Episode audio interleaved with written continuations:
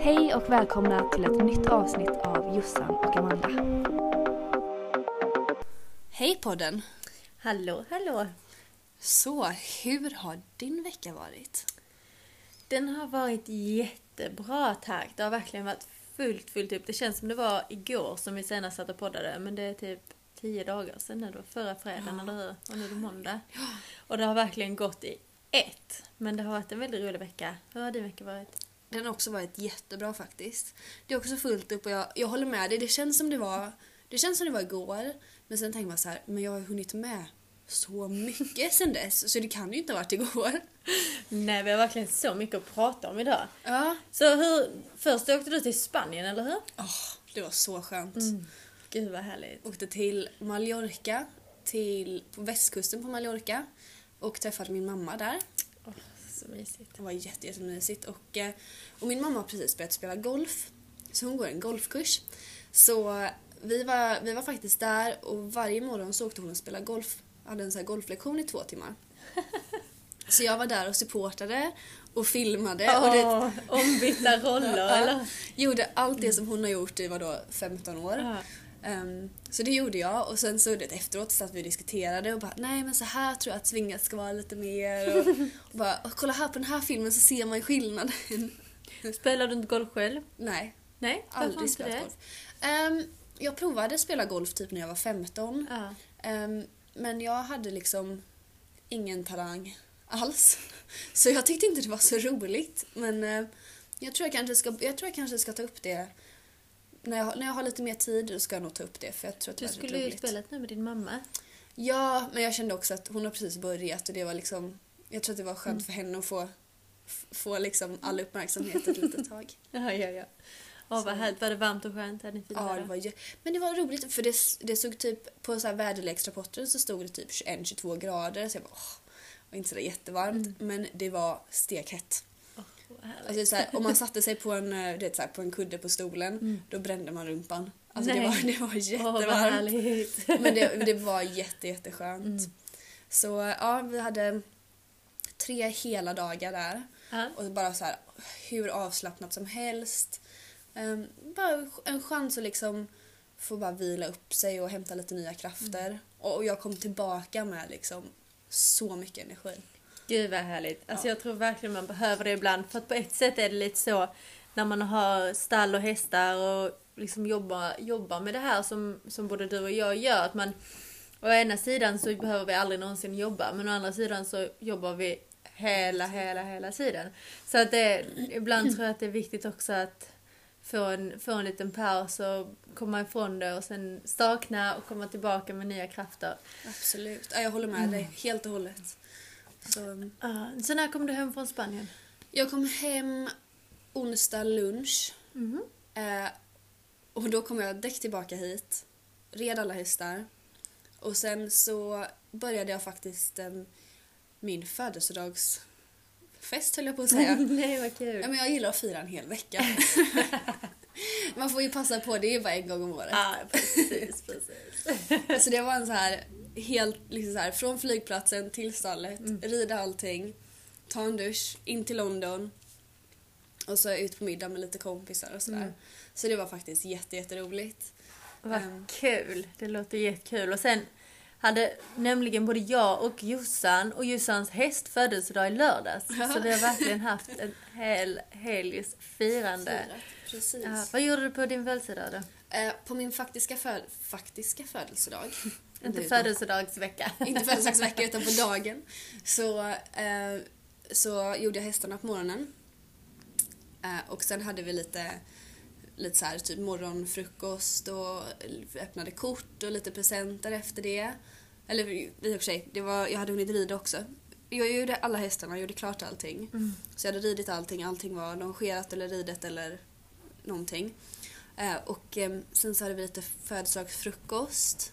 Och sen efter det så åkte jag faktiskt ett spa i fyra timmar. Och det var så himla skönt.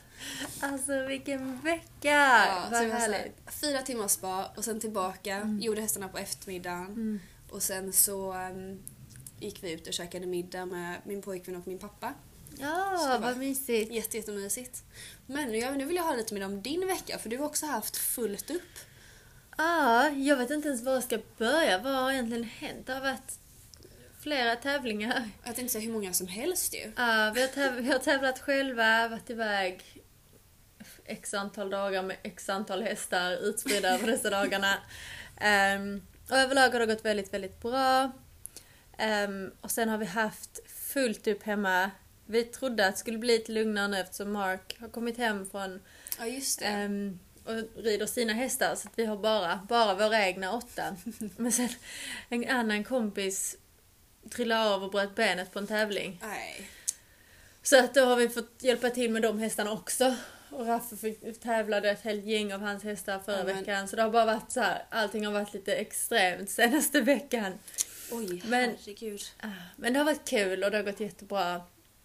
Ehm, så det, det har verkligen varit fullt upp, mycket, många timmar i stallet och sena kvällar och tidiga morgnar och sådär. Och sen har jag faktiskt haft mina föräldrar på besök från Sverige. Åh, vad roligt. Ah, så kul att ses igen. Det känns verkligen som att det var så länge, det var egentligen inte så länge sedan, men dessa månaderna känns som det har gått, det har varit så eh, lång tid. Man är inte, jag är fortfarande inte van vid att inte ha mamma och pappa nära liksom. Alltså, Nej men du vet, även fast jag har bott här så länge så känns det ändå som att man, det känns så normalt så fort de kommer hit så känns det som att de borde bo här. ja, men du, det kan jag faktiskt hålla med Ja. om. ja. Oh, men gud vad mysigt. ja, det var jättekul att träffas igen. Så vi hade några mysiga dagar ihop och sen har vi haft andra kompisar som har kommit och bott hos oss över badmintonveckan. För det var badminton ju nu som precis har passerat. Så det var en brasiliansk kompis till Raffa har varit över. En kompis som är från Belgien, Belgien har varit över. Oj. Och en annan kompis som bor i södra England har också varit, varit hos oss och bott hos oss. Så det har verkligen varit så här fullt hus. Tänkte säga, hur många sovplatser har ni? Eller har ni fått göra? Alltså, jag vet inte, vi har en säng. Det är jag vet. Ja. Vi har soffor, en soffa, en fåtölj, ett golv. Men naja, vi har haft jättekul i alla Jag fall. tänkte säga, det har varit fullt party i alla Ja, fall. verkligen. Fredag hade vi eh, stor grillfest med massa kompisar hemma. Så det var jättekul. Och sen har vi varit på badminton hela lördagen och kollat på terrängen där. Alltså Ja. Josefin, det är någonting helt magiskt den tävlingen. Ja, jag vet. Atmosfären, platsen, tävlingen, ryttarna, hästarna. Alltså det är bara en klass för sig. Och jag måste bara så här, verkligen så här, höja upp våra svenska ryttare. Ja, Louise, ja, Louise och Malin som båda debuterade femstjärnigt. Och alltså, fy vilka fina rundor de gjorde. Mhm. Helt fantastiskt. Det var så kul att vara på plats och se dem. De var verkligen grymma. Åh, jag får nästan så här rysningar. Ja, det var jätte, jätte, jättekul. Så vi var där hela, hela, hela lördagen. Vi körde hem och fodrade hästarna och fixade eftermiddagen och sen körde vi tillbaka igen. Det är alltid Åh. stor fest hela natten. Så vi var där och vi var tvungna att passa på när det var födelsedag och allting. Så det Ja, var ja, ett stort visst. kompisgäng så vi hade jättekul. Gud vad roligt. Ah, så vaknade vi på söndag morgon och var uppe tidigt och fodrade hästarna och så. Sen så gick vi faktiskt tillbaka. Det händer inte så ofta men jag tror vid nio så gick vi och la oss igen och så sov vi flera timmar mitt på dagen. Det gud, var så skönt. Och så la vi bara och kolla på hoppning på eftermiddagen från badminton. Ja. Och eh, Åh. vi red hästarna sent på eftermiddagen. Vi bara, "Åh, vi behöver bara några timmar och bara slappna av. Åh, alltså det där är typ jag vet att det kanske låter så här superpatetiskt men det där är typ mina drömdagar. Om det är så här, när man kan göra hästarna tidigt Ah. och sen går man tillbaka, drar på sig pyjamas igen. Ah, så Och det så var typ så så här. Och just när man också är så trött, man har haft en sån galen vecka när man bara inte har sovit tillräckligt och det har varit liksom jätteroliga saker men man är ändå så slut. Det var bara så skönt att bara hoppa tillbaka i sängen och sova några timmar. Gud. Mm. Ja, men det, det känns, alltså, men jag förstår precis vad du menar. Jag håller verkligen med dig och jag kan, jag kan verkligen så här. Vi gjorde det på påskhelgen. Mm. Ehm, för min pojkvän var ledig över hela påskhelgen. Mm. Så, så jag också åkte och gjorde hästarna tidigt. Eh, och sen så gick jag hem igen och bara också så här, gick och la mig några timmar till. Och jag bara kände såhär, "Åh, det här har typ varit den bästa dagen någonsin. och han bara, Va? va? Vad var det för speciellt? Jag bara, "Ja, men det var så himla mysigt liksom. Mm. Ja, men när man inte är van vid liksom normalt sett är liksom varenda dag är det full rulle utomhus från morgon till sen Ja, kväll. visst. Och när man då har en dag och faktiskt kan sova lite grann. och När man inte är van vid det, det var väldigt, väldigt skönt. Ja. Så nu är, det, nu är vi redo för att köra igång med en ny vecka och Nya äventyr. Ja. Men det känns typ så, jag vaknade med en sån känsla i morse. Du vet när man har haft en vecka som man har sett fram emot så himla mycket. Ja. Det har varit så mycket som bara varenda dag har det varit något kul som har hänt och så här. Och jag bara, jaha, vad nu då? nu får den här veckan slut. Men du, så känner inte jag än för jag känner att liksom så här, min födelsedagsvecka är inte slut än. Nähä, hur länge håller din på? Ja, men jag, vet, jag har inte bestämt mig än hur länge jag ska fira. Jag tog faktiskt med födelsedagstårta. Jag hade Nej. lite födelsedagstårta kvar så jag tog med mig den, och hämta den i bilen. Och Jag fick faktiskt ingen tårta. Däremot så gjorde vi, fick jag dessert och em, en så här, du vet, sång på restaurangen. Em, men det var faktiskt ingen som har bakat någon tårta. Så, Det är ingen bakat tårta till mig men de köpte en. Så ända sen jag först, vet du sån här caterpillar cake? Ja. Ja. Ända sen första gången jag hade födelsedag i England så har, har vi haft en sån tårta, mina kompisar alltid köpt den. Så de bara, här, det är inte din födelsedag utan, utan den här tårtan. så jag tog med mig lite så vi kan käka det. Åh, vad gott. Perfekt ju. Så, tillbaka igen. We are back. Men nu är det så att jag vill höra lite mer om badminton. För jag har varit där en gång. Ja. Men... ehm, Och alltså jag fullkomligt älskade det. Men alltså den här gången så hade vi liksom flera svenska tjejer med. Jag vill höra allt liksom. För jag hade så fullt upp själv så jag kollade lite men inte liksom hela. Ja, Och det var ju tydligen så spännande i, igår, i söndags. det var det verkligen, verkligen in i sista sekund. Alltså, ja, för det första, för alla er som inte, om det är någon som inte vet vad badminton är, för det första så är det en, verkligen världens största fälttävlanstävling. Och den hålls här i England, typ 40 minuter från där jag bor. Och ehm, Alltså bara om ni går in och söker på Youtube på Badminton Horse Trials så kommer ni få se liksom fälttävlan utan dess like. Det är hinder som är verkligen helt enorma. Alltså då menar jag verkligen mardrömshinder.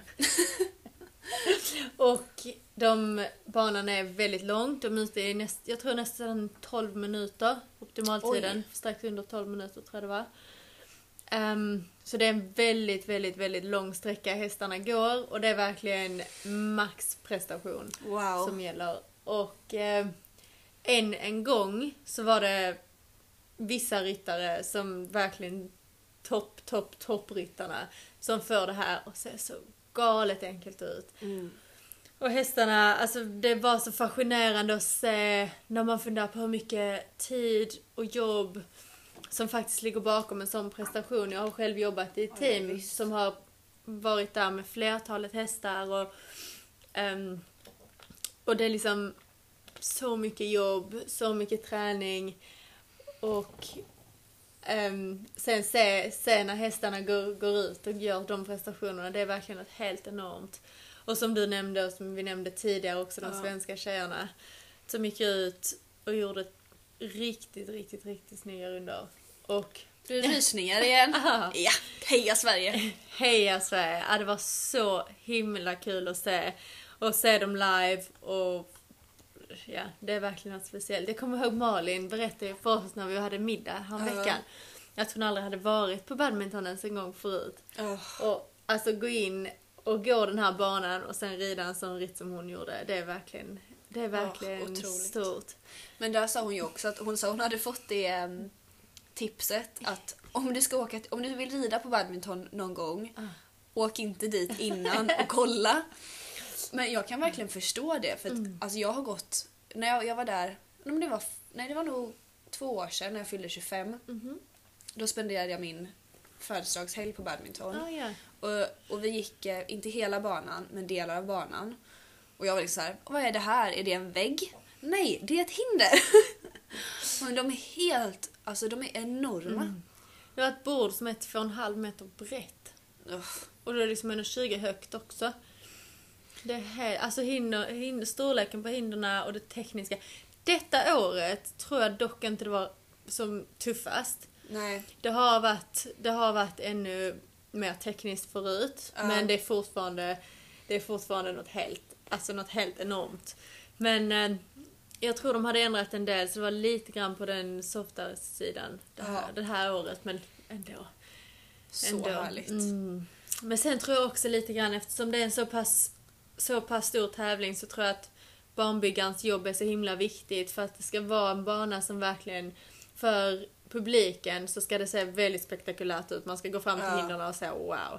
Men någonstans hästarna som har sån fantastisk rutin med så de flesta ryttarna som är där är verkligen helt otroligt skickliga. Ja. Och de bara får det att se så lekande lätt ut. Men där tror jag det är ett väldigt stort ansvar hos banbyggaren. ja, ja visst. Att, du vet, att hitta den här balansen mellan det ska vara svårt men det ska inte vara farligt. För det är också en Nej. sån sport eftersom det kan vara så farligt att om det händer en stor olycka. Jag hörde på radion att i hela världen så är detta det andra största idrottsevenemanget som drar mest publik. Nej. Andra i hela världen. Wow. Och då är det en så här car, eh, så här bilrace som är det allra största. Så att det är verkligen, så därför tror jag just här också att det är så himla Viktigt att säkerheten går först.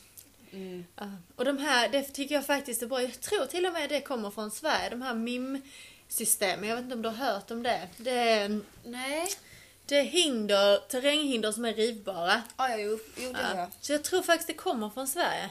Ehm, och det har blivit väldigt, väldigt mycket vanligare. Ja, Vilket jag tror är jättebra för sporten. absolut. Och man får då, skulle man då riva det här MIM-hindret så får man straffpoäng för det liksom. Ja.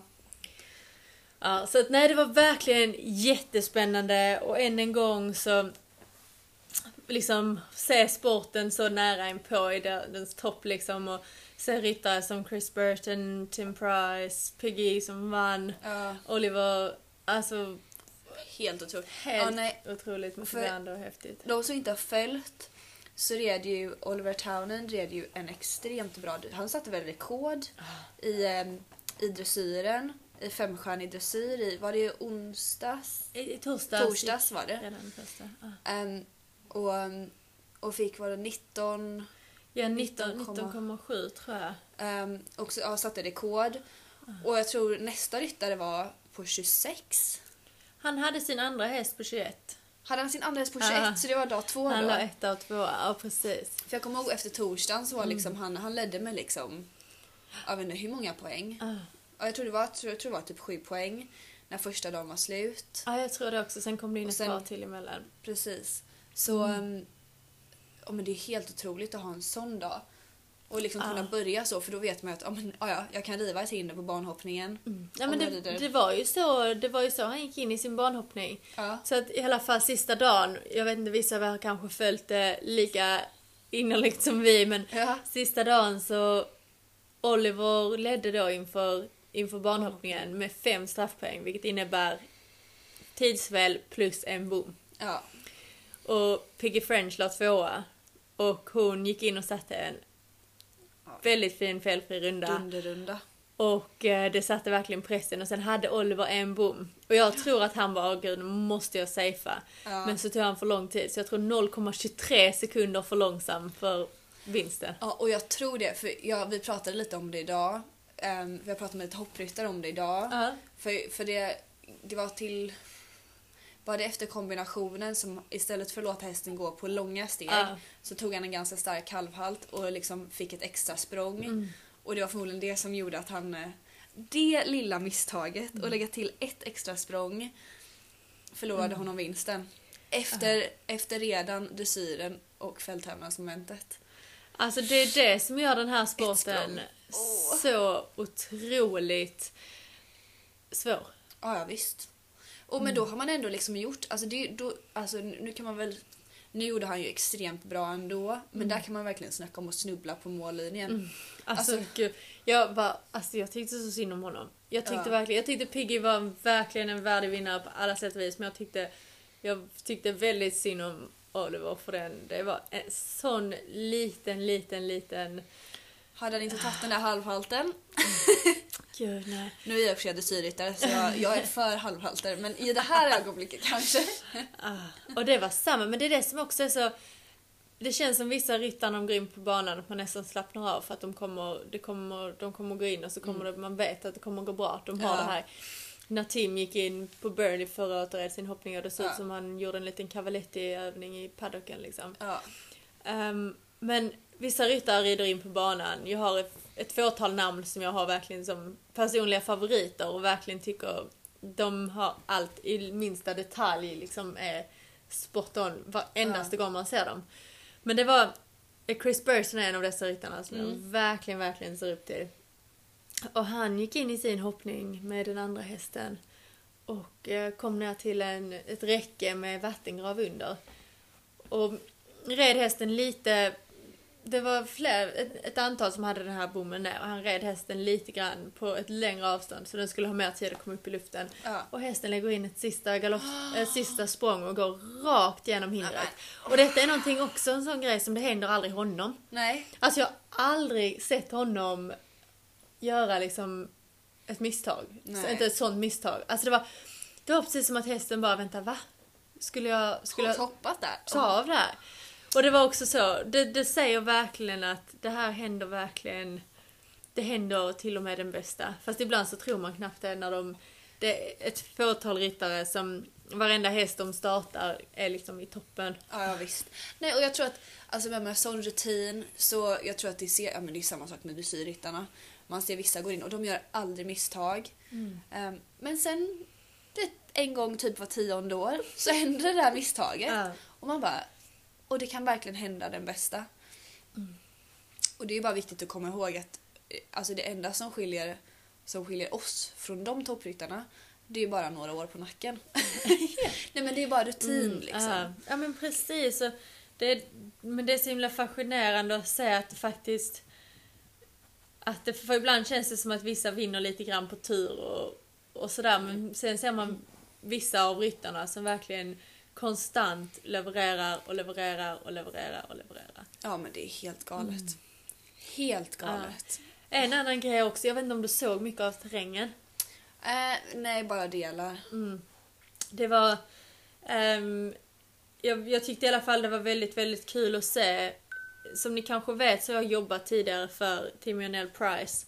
Eh, och jag såg Tim gå ut på sin första häst och han var väldigt, väldigt, väldigt stark. Han är normalt sett väldigt, väldigt bra i terrängen och har liksom... Ja, hästarna är väl förberedda för det de ska göra. Det här, den här hästen har var placerad på Burley i fjol, en väldigt rutinerad häst, men han kom ut och var helt tokig. Han bara Oj. drog och drog och drog.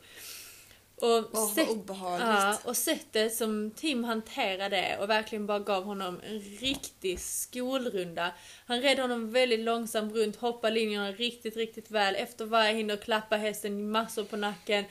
Och så Ja. kom han tillbaka alltså, mer än halvvägs och sen så sträckte den upp handen och gick hem för då tyckte han hästen hade slappnat av och gjorde jobbet som han skulle. Så han, han alltså gick, utgick? Ja. Så han, jag tror han hade ett stopp ganska tidigt banan för hästen var väldigt liksom feisty. Ja. Och sen, men sen så utnyttjade han det typ som en skolrunda och det tyckte jag var väldigt, väldigt snyggt gjort av honom. Att inte bara för att han hade ett problem utgå till exempel. Nej. Utan faktiskt utnyttja chansen. Och det låter lite konstigt att skola runt sin häst runt badminton med miljonpublik men, men sättet han gjorde det på och sättet som han avslutade och hästen var riktigt med honom och lyssnade och hoppade fantastiskt bra. Ja. Det var verkligen så himla fint att se. Det tyckte jag verkligen visar på vilken så här, horsemanship liksom. Ja, ja, absolut. Men sånt är ju så viktigt och jag, jag kan verkligen hålla med om det att om man kan stanna kvar på banan, vare sig det är hoppning eller dressyr eller som fälttävlan, alltså även om det är en miljonpublik och kunna göra det Förmodligen kommer han ju ha en fantastisk runda nästa gång han tar ut hästen. Ja, ja, men precis, för det tror jag också. Det, någonstans tror jag också att han, jag menar han hade redan vetat att han inte skulle vinna men för nästa gångs skull och för hästens självförtroende dra ner på tempot och gick runt och gjorde bara för att skola hästen runt och det tyckte Ja, jag var wow. väldigt det tyckte jag var väldigt fint att se för ofta ser man så fort någon har ett problem i dessa stora klasserna framförallt så räcker Ja. man upp handen och går hem.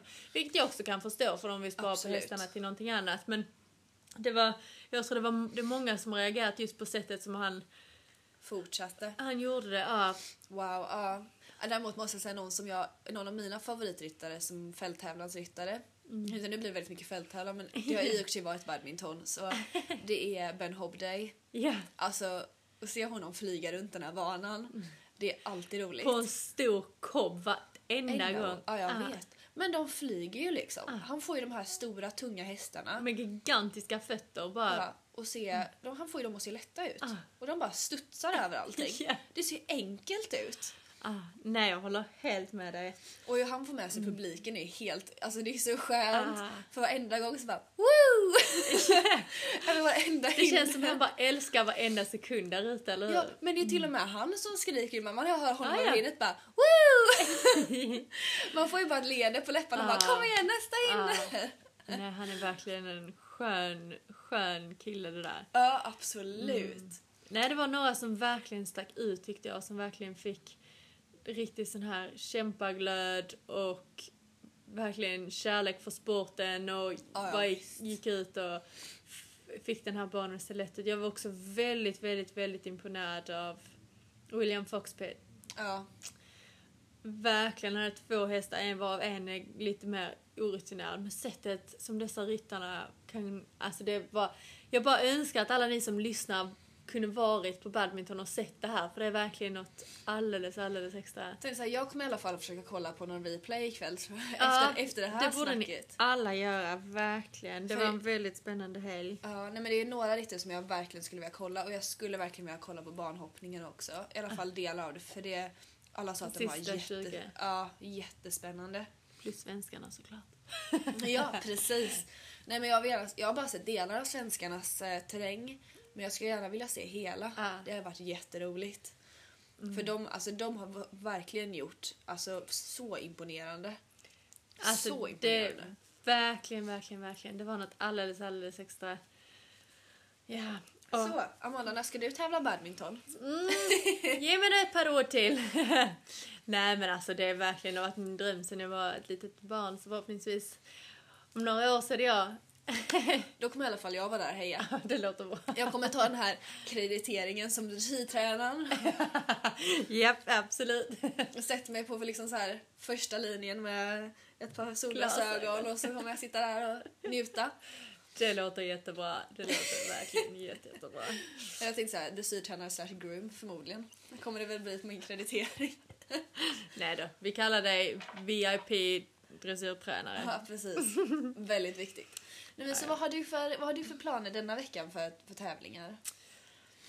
Eh, jo, vi har...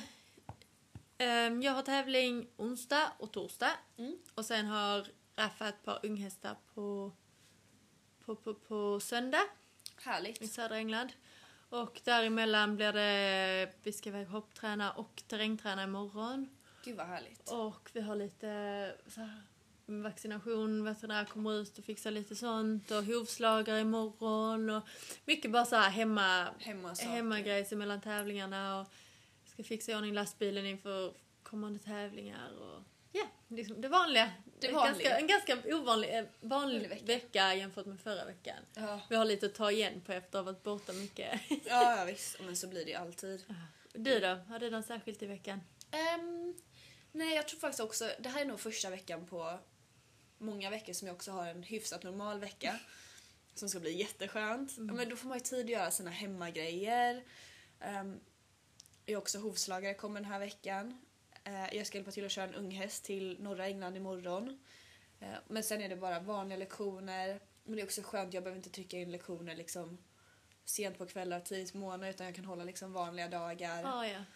Så det ska bli jätte, jätteskönt. Fokusera lite på mina hästar här hemma. Ah, nej, det är lite så när man ska, man ska hinna med allting och vara överallt och ingenstans på samma gång. Så får man, det är ganska skönt ibland att bara komma hem och verkligen ha tid. Ja, ha visst. tid på sig att träna hästarna och pyssla och Gå runt fixa och skrota liksom. Ja, ja, jag håller helt med. Men gå runt och skrota är ju liksom det bästa ibland. Ja, verkligen. Jag håller verkligen, verkligen med. Speciellt när man har det så här hemma. Det är alltid, det är alltid grejer som ska fixas. Och när Oh, man ja. bor på en stor gård och det är bara saker som ropar på en på alla håll och kanter liksom. Varje dag. Varje dag. Ja, nej, men jag håller helt med dig. En härlig vecka till oss båda då helt enkelt. Absolut, absolut.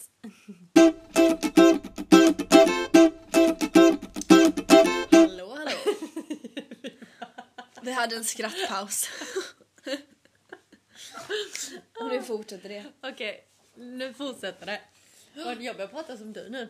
Nu fortsätter det. Nu fortsätter Göteborgska. Skrattar du också Kenzo? Ja. Okej, så vi tänkte köra en sån här ehm, this or that eh, lista typ. Ja. Med, fast med hästar och, eh, och ridning. Ehm, så första frågan är Skulle du hellre ha en häst eller vill du hellre rida och träna tävla med häst som är, som är het eller som är lat? Åh, det är en svår fråga du. Det... Hade du frågat mig för två år sedan så hade jag definitivt sagt en het häst. Ehm, däremot, nu hade jag nog kanske sagt... Och jag vet inte, det är så himla olika. För jag... På något sätt så är det, i, i, ibland är det lättare att, att bromsa än att sparka. Mm. Men å andra sidan har jag blivit ganska mycket bättre på att rida lata hästar de senaste åren. Och då kan man också få bestämma hur mycket energi man vill ha. Inte ha alltid för mycket energi. Så, um, åh jag vet inte. Nej, jag får nog köra på heta hästar tror jag. Nej, jag får nog, ja, det får nog bli heta hästar. Hur känner du då? Alltså jag, jag tror nog faktiskt att jag föredrar en lite långsammare och latare häst. Alltså om man säger het eller lat så säger jag nog lat. För att någonstans, man kan alltid, när hästarna blir mer vältränade, man kan fodra upp dem så de får lite mer energi. Men just när man kommer in på tävlingsbana så är det så himla mycket som liksom väcker, väcker hästarna och sådär. Och har man då en häst som är aningen mer tillbaka så det är alltid lättare liksom har man en tävlingshäst så kan man alltid lära sin häst och du vet reagera för skänken och Ja, det, det handlar bara om att träna upp de signalerna. Men har man en häst som är väldigt het, rider man fram, kommer in på banan och sen slår det liksom lite slint. Då har man inte så mycket liksom verktyg i lådan som man kan använda alltid. Nej, det... Om hästen blir riktigt het. Till exempel i skritten i ett dressyrprogram eller i halten. Man gör sin halt och sen blir hästen bara tokig. Ja, det är jätte... Nej men jag håller med. Det, där, där tror jag, när jag tänkte het eller lat så tänkte jag också så här galen eller de, de lata hästarna jag har ridit senaste. Det har inte varit hästar som har varit så lite lata utan det har varit hästar som är helt döda på skänken. Och det, Nej, mm. och det och då rider jag hellre någonting som jag kanske inte riktigt får stopp på än något som man kan liksom så här, man kan ge dem en ordentlig liksom så här, kom igen nu får det gå och det händer ingenting. För det, det är nog för mig tror jag nog att det känns värre. Ja, nej men det gör det nog också om man verkligen tar det till sina extremer liksom. Men om man kollar mer på två, två liksom normala hästar så tror jag att det är mycket lättare att träna en häst som är på det, åt det lugna hållet. Det, och det håller jag med dig 100 procent. Ja. 100 För det kan jag säga bara, bara jämföra två av mina hästar. Den ena är väldigt, han förändrar, han är alltid likadan. Kommer ut på tävling, Ja. tränar jag, jag är hemma, jag är ute. Han är alltid likadan och jag har lärt honom så här och så här och så här är det. Och så är det Ja. oavsett vad det är. Medan den andra är så himla emotional liksom. Är vi här? Ja men då är det så här. Och sen är vi här och då är man jätte så här och sen jätte så här. Så därför tror jag, därför tror jag att det gör, det, bara, det gör bara jobbet ganska mycket enklare för det är mer det är mer samma vartenda gång liksom. Men det är också Ja. upp till var och en av individerna. Men Ja, jag men- säger nu lat och du säger het. Ja. Och det där var en svår. Det där var en riktigt svår Amanda. Okej, då tar vi nästa. Så vad ska vi se vad nästa fråga ska bli? Amanda Aha. har en liten lista här. Nästa fråga. Skulle du hellre vilja ha, om du skulle köpa en häst imorgon, Ja. skulle du hellre köpa en väldigt, väldigt eh, alltså, fin, talangfull, ung men jättegrön häst som du behöver göra allting från scratch? Ja. Eller en äldre, mer rutinerad häst som du kan som kan allting, som du kan hoppa upp och köra på med direkt. Um, om jag var tvungen att köpa en, en häst till det teamet jag har, då hade jag nog köpt en äldre. Jag tror att... Oh, alltså det är svårt. ja, men nu blev det svårt. Nej men, nej, men alltså... Personligen så... alltså, Nu har jag ridit en del unghästar och nu, verkar jag, nu har jag en ny unghäst inne hemma här och en till på väg. Men jag, jag tycker det är roligare att sitta och finslipa på detaljer än vad det är att liksom så här. Galopp! Kom igen! Åh vad duktig du är, du har galopperat en hel volt! Nej, och, det, och, jag vet, och jag vet att på ett sätt så är det också så givande att göra det. Men jag tycker det är roligare att liksom så här, ja men hur var den här travslutan? Eller hur var det här? Aj, nej, jag förstår vad du menar. Och jag kan också tycka att det är på båda håll. För lite grann också, om man bara ser i den situationen vi är och har, och har ett stall där vi tar in hästar för träning och försäljning och tävling Ja. och så vidare. Så är det säkert 99 utav 100 gånger så är det unga gröna hästar som behöver tränas upp. Så skulle man ha, skulle man ha pengar och köpa en Jättebra häst. en jättebra häst. Så någonstans att ha en häst som har rutin, som man, det, för de kommer inte springande på en. Nej nej nej visst. Men sen å andra sidan tycker jag också väldigt mycket att ha en häst som, detta har vi pratat om innan i podden också, men som man har tränat upp själv och man känner hästen Ja, på en annan nivå. Det är skillnad för att ha, får du en äldre häst så är det så himla då måste man kompromissa ganska mycket för att man kommer inte förändra en tioårig häst som Nej. har gjort mycket utan medan har man en, får man en häst från en fyraåring så kan man lära den Absolut. på ens eget sätt liksom. Ja, nej men jag, jag skulle nog köra på, just som det är nu så skulle jag nog köra på en äldre häst. En äldre, mer rutinerad häst. Och vad skulle du köra på? Alltså jag har ju ungefär svarat i mitt huvud tio gånger olika svar bara under denna tiden vi har ställt in som- säga. Alltså jag, jag vet inte, för någonstans först och främst tänkte jag bara nej men jag hade velat ha en yngre häst. Men sen nu när vi pratar om det så skulle jag också vilja ha en äldre rutinerad häst bara för att komma, för att komma ut Men och... tänk om du hade kunnat få, om om du hade köpt en häst över vintern som du hade kunnat göra badminton på nu. ja. Det är du. Det Du kanske, du kanske bara hade kunnat tävla den ett eller två år till eller liksom så här två eller tre säsonger till. Men du hade fått rida badminton. Tänk det du. ja men då hade jag nu köpt en äldre häst när du säger det så. Men sen å andra sidan så är det också chansen att en äldre häst att man ska hinna rida ihop sig på de två som man bara har hästen. Bara tuta och köra. Sparka på lite bara, det kommer gå bra. Ah, Du där och tränar dressyren i alla fall. Ja, precis. Jag hade suttit där och bara... Vet inte ens vad det där skulle vara för något. Nej, jag skojar bara. Nej, du är faktiskt skitduktig på dressyr. Tänkte säga, för fälttävlanssittare så Ah, gör du jäkligt bra. det, det vet jag inte. Men, men äh, ah, ja, i alla fall. Jag vet inte vad mitt svar är. Men eh, Kom igen, jag, jag, sä- jag säger nog en äldre häst faktiskt. Nu, nu när du har pressat ut ur allt detta. Kom igen, nu är det badminton som gäller. Badminton 2020. Precis, varför inte? Ja, Kanske styr runt dollarn på badminton nästa år, vem vet? det vill jag säga.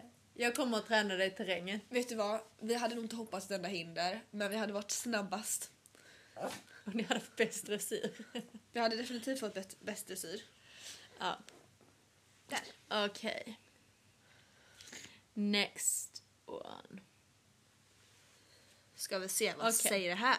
Alltså det här, dessa frågorna är ju lite konstiga om jag ska vara helt ärlig. Men den här frågan är om du hellre skulle trilla av när, när du hoppar Ja. eller trilla av när du blir avbockad. alltså vilken fråga. Ska vi... Alltså nu har jag inte hoppat på länge så jag brukar inte ramla av när jag hoppar. Men däremot tror jag att det är störst risk att jag ramlar av när jag hoppar. Ehm, Däremot så kan jag lyckas ramla av när jag dressyr också så att där ska jag också inte säga någonting. Nej, alltså jag vet ju inte riktigt vad jag ska säga på den här. Alltså, Alltså, jag trillar ju av lite här. Ja, alltså däremot när man hoppar så är man nog lite mer beredd på att man ska ramla av känner jag. Det ser man ju inte heller. Det är jag definitivt. Varje gång jag hoppas, oh, oh, det var nära ögat. Jag lämnar sadeln i flera sekunder. Ah, nej men allting beror sig på hur man landar. Alltså jag har trillat av i hoppning eller terräng flera gånger när man snurrar runt och landar på sina fötter och skrattar lite efteråt och hoppar upp igen. Och likadant när en häst har bockat. Men landar man väl oturligt så spelar det inte så stor roll vilket sammanhang det är. Nej, alltså jag... Peppa peppa tar jag trä så ramlar inte jag av så ofta. Ah, Men när jag gör så... Eftersom inte jag ramlar av så ofta, så när jag ramlar av så brukar jag landa som en pannkaka ungefär. ah, nej det är inte heller så bra. Jag tycker jag ramlar av ofta men det händer ändå ibland att man landar som en pannkaka. Och jag hade ett ganska... Usch, jag, vi höll på under vinterhalvåret att träna galopphästar. Oh, tvååringar. Och det var också helt, helt galet. Och så var, rider man på sån här galoppring. Och så fort en häst gör någonting så är det som en så här rullande våg. Och sen är det nästa och sen är det nästa och sen är det nästa. Sen kommer man till sin egen häst och det är bara att hålla i sig. Jag hade en häst som bara blev helt galen en dag. De, det är liksom så varje gång man sitter upp på en av de här hästarna så bara, "Ha, ska jag överleva idag då? Usch. Adrenalinet kickar in. Och den här hästen var helt tokig och bara spann. Jag landade rakt på huvudet. Det var Nej. inte så himla bra. Det var lite som din. Även fast det var det absolut inte. Men det Ja. var också en sån gång så bara, det här var inte så bra. Ja men det är så obehagligt när det händer. Det Ah, ja. är så obehagligt när det händer. Här kommer, här kommer en rolig fråga. Skulle du hellre rida terräng eller dressyr? Åh, Jossan. jag tror att va- där vet vi nog svaren på båda två. Definitivt terräng för mig. Definitivt dressyr. Älskar dressyr. Nej, jag tycker faktiskt dressyr är väldigt kul. Ja, det Men- tycker jag också. Men terräng är ju ändå en helt annan grej. Där måste, däremot så måste jag säga, jag har faktiskt varit ute på jakt en gång i november. Och det var riktigt roligt. Jag har aldrig gjort det. Det är, alltså det är typ som terräng på droger liksom. Det var, nej men alltså det var nog, det var, alltså det, nej men det, och då var jag, då var jag på en jakt som var en hyfsat planerad väg. Men det, alltså det spelar ingen roll vad man springer igenom. Och de bara, kolla en häck! Den hoppar vi. Och jag bara, nej! Men när det är 50 hästar som springer mot en häck, tror du du har något val? Alltså fy. Alltså jag, jag kan känna så. Jag har i och för sig vet inte så mycket om hunting men när jag har ridit när jag har ridit terräng då känns det ändå som att då har man ändå, då vet man vad man gör. Liksom, man går banan, man har koll på läget. Men att rida hunting, det verkar helt livsfarligt. Ja. Alltså jag, hade, jag tror inte jag hade vågat. Ja men vet du hur många hästar som sprang förbi mig utan ryttare? Alltså, och, då var det, och det var ingen som ramlade över hinder den här dagen. Men efter 50 hästar hade gått runt ett hörne så var det rätt lerigt och halt. Så det var ju flera som bara Halka. halkade. Och folk dricker väl jättemycket också. Ja, ja visst, men det det gjorde ju jag också. Tror du jag hade gått ut? Alltså jag hade ju aldrig, jag var så, jag var så nervös. Och, men det började liksom på morgonen. Men jag var så nervös att jag kallsvettades i flera timmar. Innan jag satt upp på hästen. Och så fort jag satt upp på hästen då Och kallsvettades typiskt var att hoppa. Nej, nej, nej. Alltså jag hoppade några dagar innan på den här hästen som jag skulle ta ut bara för att liksom få in känslan. Och det värsta var att det gick inte alls bra. Ehm, Det var värre att det gick illa. alltså det var, nej men det var skönt, jag hade ett, ett, eh, vi hade två stycken linjer. En linje med två hinder. De gick jättebra. Inga problem. Alltså då hoppade jag ändå, eh, ända upp till 1,10 för att få in liksom höjden som vi skulle rida på den här dagen. Eh, men en annan linje, då, var, då hade vi liksom en, en markbom eh, till ett hinder. Men den här markbommen var kanske typ fem galoppsprång från hindret. Men det var ganska blåsigt den här dagen så den här bommen hade flyttat på sig lite grann. Eh, så alltså jag fick bara dåliga... Flyttade Alltså, inte tillbaka bommen? Men vi märkte inte det förrän jag hade ridit två linjer och det gick jättedåligt. Och jag hade fått gjort den här riktiga så här, du vet kommit in, tagit ett halvt språng och så bara rakt upp och rakt ner och jag bara alltså det här är det värsta jag har gjort. Och, men alltså hästen var en ängel. Men då bara, och då bara ja, men vi flyttar, oj markbommen och då sa hon som hjälpte mig, hon bara ja, men jag ska bara promenera den här linjen och se, liksom, se att det är korrekt. Hon bara oj det är lite fel. Flytta markbommen och då var det inga problem. Eh, och sen så dagen efter så gick vi upp till galoppbanan bara för att jag skulle få känna på tempot innan vi gick ut. Och det gick så fort. Men jag, och jag hade ju liksom inga bromsar. Ja, men eftersom man är en grupp, då var vi en grupp av fyra hästar. Ja. Och, och Så även går- fast man kan bromsa så springer de andra iväg så det är bäst att hålla... Ja, men det, nej, men det går, alltså jag, jag kunde inte bromsa för jag försökte sakta ner lite Ja. för jag tänkte nu, jag kommer ju jättenära de andra hästarna. Ja. Ehm, eller alla, vi var ju så nära varandra. Jag hade ju... Mina stövlar nuddar ju nästan den andra tjejens stövlar Aha. liksom. Och jag tänkte men vi är lite mer åt det här hållet och hästen bara la öronen bakåt och jag bara okej vi stannar där du vill gå liksom så här. Jag vill inte göra dig sur innan vi ska på jakt. Ehm, och sen på själva jaktdagen och då, ja, jag kallsvettades något så kopiöst. Men jag känner mig snygg för jag, man gör sig ändå ordning, man gör sig fin så jag tänkte så här, ja men jag ser i alla fall ut som jag vet vad jag gör. Nej, men det, jag känner mig, det ser ut som jag vet vad jag håller på med. Då är man ändå ett steg i rätt riktning. Och, eh, och sen så, så börjar det med att alla sitter upp på hästarna och det är typ så här 50 hästar. Och, eh, och så bjuder alla på portvin. Så de kommer runt med små glas, liksom shotglas, plastglas. Um, det enda var att första glaset jag drack med liksom handskar och då hade jag tjocka handskar på mig för det var liksom november. Ja. Eh, så spillde jag lite och min häst var vit. Så det, först, det börjar med att han får en rosa man. Men det gör inte så mycket.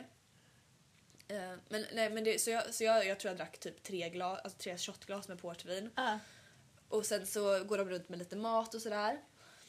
Och sen helt plötsligt bara, ah, nu kör vi. Och då bara travar alla rakt ut liksom så här efter hundarna. Ja.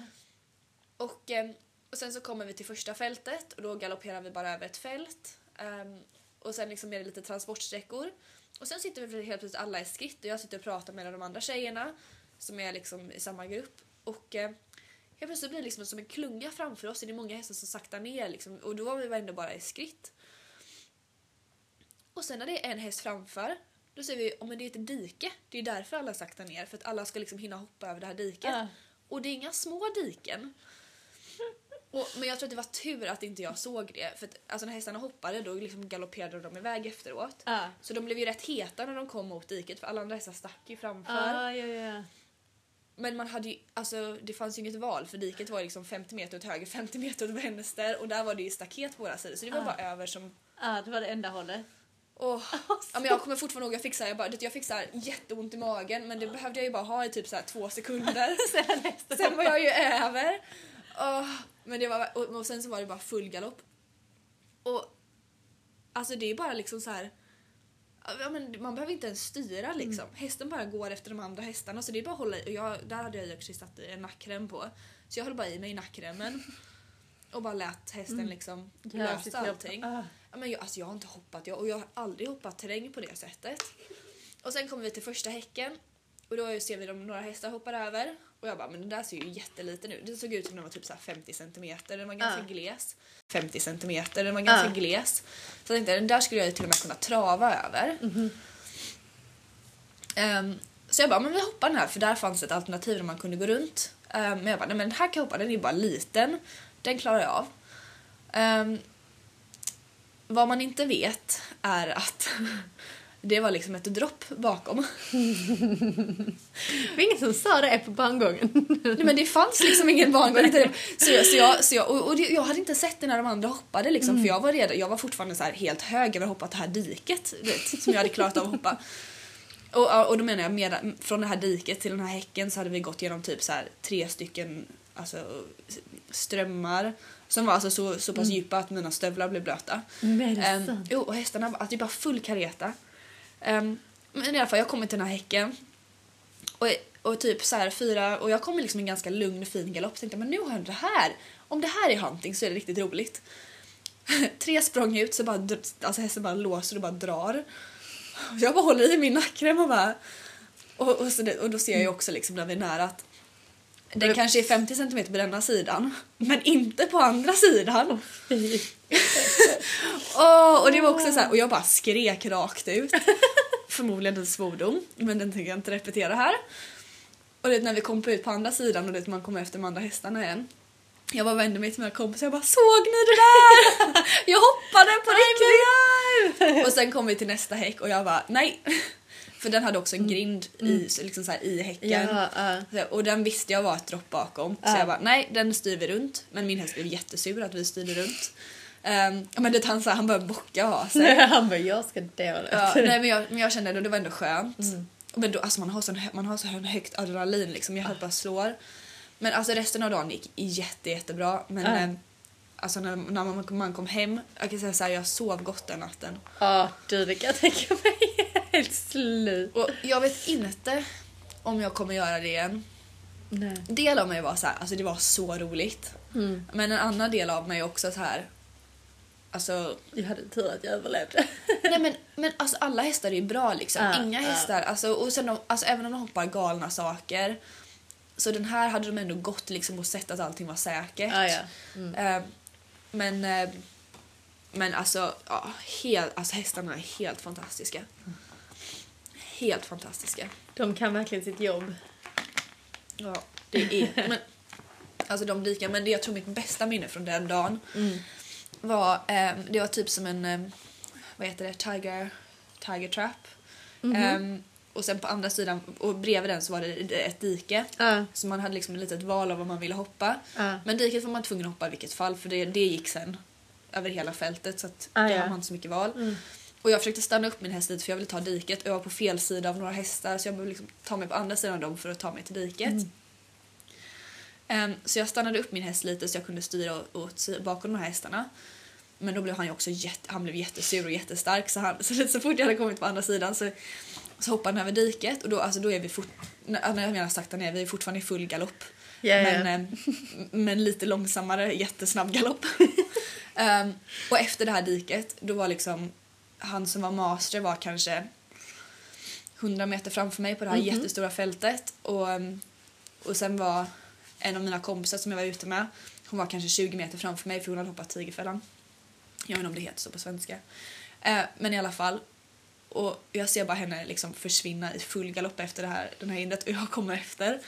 Och det går så fort, alltså jag hör ingenting för att det går så fort. Utan jag hör liksom ett litet så här, en viskning av någonting i, liksom framför mig så här, Woo!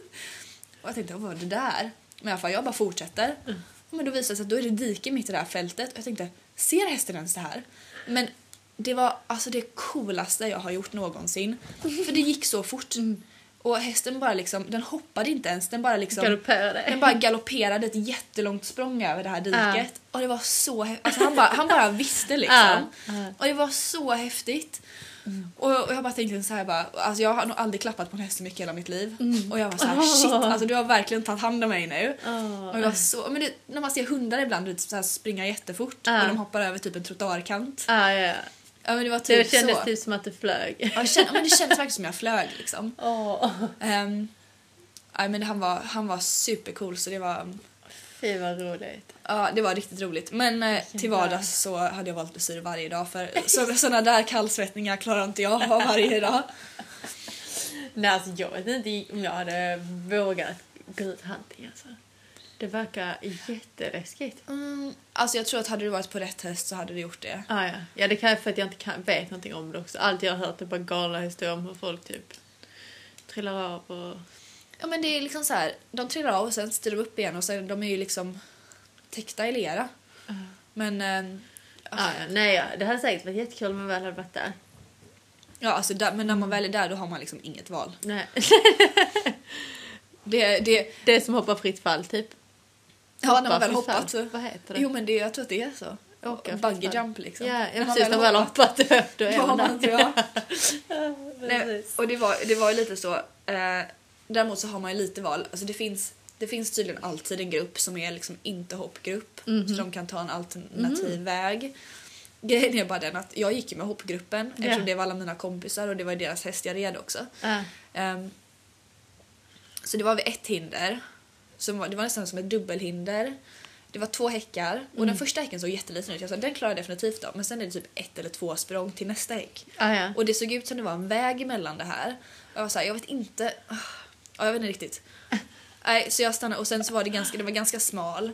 Så man kunde inte liksom så hoppa alla samtidigt utan man fick vänta en och en nästan. Och där tog alla foton.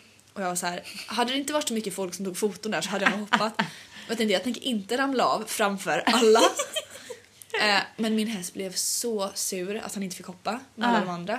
Så stå där och vänta tror jag var nästan värre. För han bara bockar Det hade och varit lättare att trilla av där än om du hade hoppat. Ja, ja visst. Ja, han bara bockade och bockade och bockade. Bara, släpp mig, släpp mig, släpp mig, låt mig gå. Ehm, och sen så visade det sig att jag var tvungen att hoppa ett, dike genom typ en buske för att komma förbi i alla fall. Så jag bara, jag skulle bara hoppat Jag liksom. skulle bara hoppat. Det är alltid lättare att ta den raka, Ja. den raka vägen. Men eh, alltså vilken dag det var. Ja, det var verkligen ett minne för livet. Det, det förstår jag verkligen. Jag tänkte såhär, ja det, då, det blev en riktig side story på den här eh, dressyr slash terrängfrågan. Ah, jag har slut på frågor här tror jag. Har du några, har du några andra bra? Ehm, men jag vet inte om jag har tänkt så här. Vi har väl tagit om så här stora... eh, Åh, det blev svårt.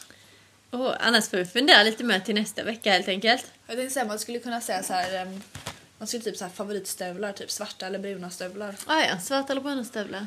Eller blå. Eller blå? Jag tror jag väljer definitivt blå. Blå. Jag har aldrig ens tänkt på blåa stövlar. Inte till tävling men till vardags definitivt. Jag också älskar mina bruna stövlar. Mm, jag älskar dina bruna stövlar också. Ja, så fina. De är jättefina. Jag tror jag... jag alltså jag gillar brunt jättemycket. Jag är verkligen brun. Jag har bruna salar, bruna trends. Allt är brunt. Ja, nej, jag har märkt det. Jag tänkte Ja, jag... ja, nej, jag tycker om brunt. Och det är bra för då tar inte Raffe mina grejer för han har allting är svart. Perfekt ju. Ja, ehm, men jag tror stövlar på tävling så svarta. Ja men det håller jag med om. Jag är också ganska klassisk. Ja, men hemma så här, alla mina så här chaps och skor och sånt, allting är brunt. Härligt. Brunt, brunt, brunt. Jag tycker Jag har faktiskt ett par blå stövlar. Jag hade, Nej, ja, jag, har två, jag hade två par, ett var jag tvungen att skicka tillbaka. Aha. Men eh, ja, de är så snygga. De är blåa med alltså, så här, ljusbrun, alltså typ tan i Ah. ah. sömmarna. Ah, de är wow. så snygga. Hur mörka är de? Ehm, inte jättemörka, de är typ marin, marin Ah. ljusare marinblå typ. Gud vad fräckt alltså. De är jätte, jättesnygga. Det är, det, är nog, det är nog mina absoluta favoritstövlar tror jag. Ja. Alla tider. Vad har du för färg på din kavaj? Ehm, jag har faktiskt bara en kavaj, den är svart. Eller vad heter jag det? har, jag har fem frackar. Åh nej! Varför Jag har det? jättemycket frackar. Nej men jag tror att det vart, jag, jag, min första frack var en, em, en, en ganska tung ullfrack. Mhm. Eh, och jag kommer ihåg, jag, när jag, jag tävlade i Spanien och det var 38 grader varmt och jag var så här, jag klarar inte av det här. Jag måste investera i en ny frack. Du är inte i Sverige längre. Ja men det var alltså, att sätta på sig den, det var som, alltså det var växthuseffekt. Um, men det var helt otroligt. Och sen, eh, och så då köpte jag en ny frack. Men då hade jag ändå haft den här fracken ganska många år så jag kände så här, men det var ändå dags att liksom Mm. uppgradera, uppgradera till en sommarfrack. Och köpte en jättefin blå frack från eh, Equiline. Ja, de är så fina. Ja, den är så snygg. Ehm, men sen helt enkelt så hände det samma år att jag fick en frack från ehm, en landslagsfrack. Ah, ja. Eh, och sen så fick jag sponsorfrackar efter, ett, något år efter det. Så jag liksom så här, de bara... Och de är animofrackar och de Ja. är också jättesköna att rida i. Så att jag har några riktiga, riktiga bra frackar. Ah, nice, nice. Hur mycket som helst. Hur mycket som helst. Men vad har du för färg? Jag har, jag har några olika faktiskt. Jag har en som är så här, typ, vad heter det, duvblå, heter det så? Ja, lite ljusare. Ja, lite ljusare fast ändå inte ljusblå. Ja. Ehm, och sen har jag en brun. Oh. En brun. Åh, vad- det är jättesnyggt ju. Aha, en på Equiline också. Och sen ehm, har jag en gammal svart som jag inte använder. Jag använder mest den blåa. Och sen har jag en frack som är svart och brun. En frack som är svart och brun. Alltså den är svart men typ kragen är brun. Åh, det är ju Sam och skitsnyggt. sammet i. Åh, det är ju skitsnyggt. Mhm, mhm. Jag har faktiskt ingenting i brunt så. Jag har mycket blått. Mycket blått. Mycket, mycket blått. Men jag gillar blått. Ja. Jag gillar också blått men jag tycker bara det är så himla vanligt. Så jag bara hade en liten period när jag skulle inte vara så vanligt. Så tänkte jag brun vill jag ha. Ja, men det är skitsnyggt. Ja. Det är faktiskt skitsnyggt. Fast nu har jag fallit lite mer tillbaka på blått. Men, ehm, men du, inte på tal om blått men på tal om säga, fälttävlan och hunting och allting. Du hade faktiskt en liten fråga som vi tänkte bara ta upp lite snabbt. Just det, just det var mer, mer, en mer fråga till dig än till mig tror jag. Uh, Ja, men jag kan ju också svara om du vill. Frågan, så jag har fått en fråga som är så här. Hur ser du på tiden och att hålla tiden inom terrängen? Ehm, för att varje terrängklass har liksom ett, ett tempo utsatt för var klass. Ju högre klass du rider desto snabbare tempo. Ja. Så då menar tjejen som frågade på att då borde man ju alltid sträva efter att gå inom tiden liksom, för den ska ju vara utsatt för vardera klass. Ehm, ehm, så då, då tänkte jag bara så, jag håller helt med om att visst är det så att klasserna, tempot är liksom utsatt för var en av klasserna, men någonstans så är det också, tycker jag att A och O är att hästen ska lära sig att först och främst att du har en ung häst som Ja. kanske går en hundraklass så måste ändå tiden, bara för jag har en minut kvar på klockan men är lite längre från målet så skulle inte jag bara sparka på. Nej. Utan mitt mål med en ung häst är att den ska gö- få ett bra starkt självförtroende. Att den ska vara lydig för mina hjälper. Så på en yngre häst kanske jag verkligen ser till att ta väldigt gott om tid på mig för att få, hä- få hästen tillbaka, för att hästen, du vet nästan överdriva nyanserna liksom. Ja, överdriva, ta tillbaka, överdriva. Typ ibland om det har varit så att man går från ett fält till ett annat så kanske med en yngre häst så kanske man verkligen skulle, alltså om hästen verkligen behöver titta den första, allra första gången den går igenom ett vatten så kan man nästan låta hästen skritta genom att det tar sin tid. Och Absolut. verkligen, du vet, bygga upp, bygga upp förtroendet och veta om att, ah, okej men men det här, jag kommer ihåg förra gången så var det ingen fara. Ibland tror jag på en yngre häst om den eh, tittar och blir lite spänd. Om man då sitter och bara sparkar på för klara tiden Ja, ja, till visst. exempel. Då kommer man få motsatt effekt och hästen kommer bli osäker. Så jag tror, för mig i alla fall, själv rider jag aldrig med klocka utom på internationella tävlingar. Ja. För att någonstans är det också, kommer man till en internationell tävling så är det, då är det ändå där det liksom Där faktiskt gäller. gäller. Jag ser lite grann om nationella tävlingar. Visst är de förberedande och man, man vill såklart göra, men någonstans, även fast de är tävlingar så är de lite mer för att förbereda för andra tävlingar och för, för att helt enkelt för framtiden skapa, skapa ett bra, träna upp sina hästar för att i framtiden bli snabbare. Har man då en häst som är väldigt lydig i terrängen, som inte blir stark eller som man inte behöver bromsa så himla långt innan hindren, då kommer man spara jättemycket tid på det. Precis. För man kan faktiskt hålla, hålla tempot under längre tid liksom. Och det tyckte jag också nu om vi ska återkoppla det till badminton liksom. Jag tänkte säga, det har vi en... Ja, de hästarna som faktiskt klarar tiden, de ser inte ens ut att gå fort. Nej. För de bara håller samma tempo konstant. Det är kanske två galoppsprång innan som de tar tillbaka hästarna inför språnget. Och Medan vissa hästar som kan galoppera frukta, alltså riktigt, riktigt fort, men de börjar också bromsa hästarna 20 galoppsprång före hindret och det är det som tar tid. Så att, jag vet inte, det är en väldigt intressant fråga det här. Jag håller med. Jag håller verkligen med om att det är såklart att det är olika tempo för olika klasser men någonstans tror jag att i de mindre klasserna handlar det mer om att förbereda förbereda sig, sig, här, sig själva och och eh, sina hästar liksom för, för framtiden. större. Ja. Ja, nej, men det, det, och det kan jag hålla med om från dressyren också. Att de flesta tävlingar som jag gör är också förberedande för de större tävlingarna. Och det är klart, det finns, det finns tävlingar som man säger, oh, men nu vill jag prestera lite, men nu vill jag ha ett bättre resultat. Men sen kan det vara tävlingar man säger, oh, men jag behöver ha hästen mer lydig. Alltså mindre kanske energi, mer lydig, kanske lägger den i djupare form än vad den ska vara. Eller rider den med liksom underpowered, med för lite kraft. Eller om man kanske har en häst som säger men jag behöver liksom se vart är gränsen, rider med mer kraft, kanske inte får så bra resultat. Men man har gjort det för en, av en anledning. Precis, för det är alltid skillnad i tävlingssituation också. Och kan man då, det kommer jag ihåg så himla väl när jag tränade för, för en tränare. Um, jag red, detta var hemma i Sverige och jag red fälttävlan och så skulle jag åka på en dressyrtävling för att, för att, rida, för att rida ett program på en tävlingsbana och sådär. Så satt vi och kollade på filmen efteråt och så var det någonstans jag hade haft ett misstag. Jag tappade, hästen tappade balansen och rytm, fokus liksom i ena hörnan. Han bara, varför la du inte en volt? Bara, man kan ju inte lägga en volt på en dressyrbana heller. Det var ingen volt.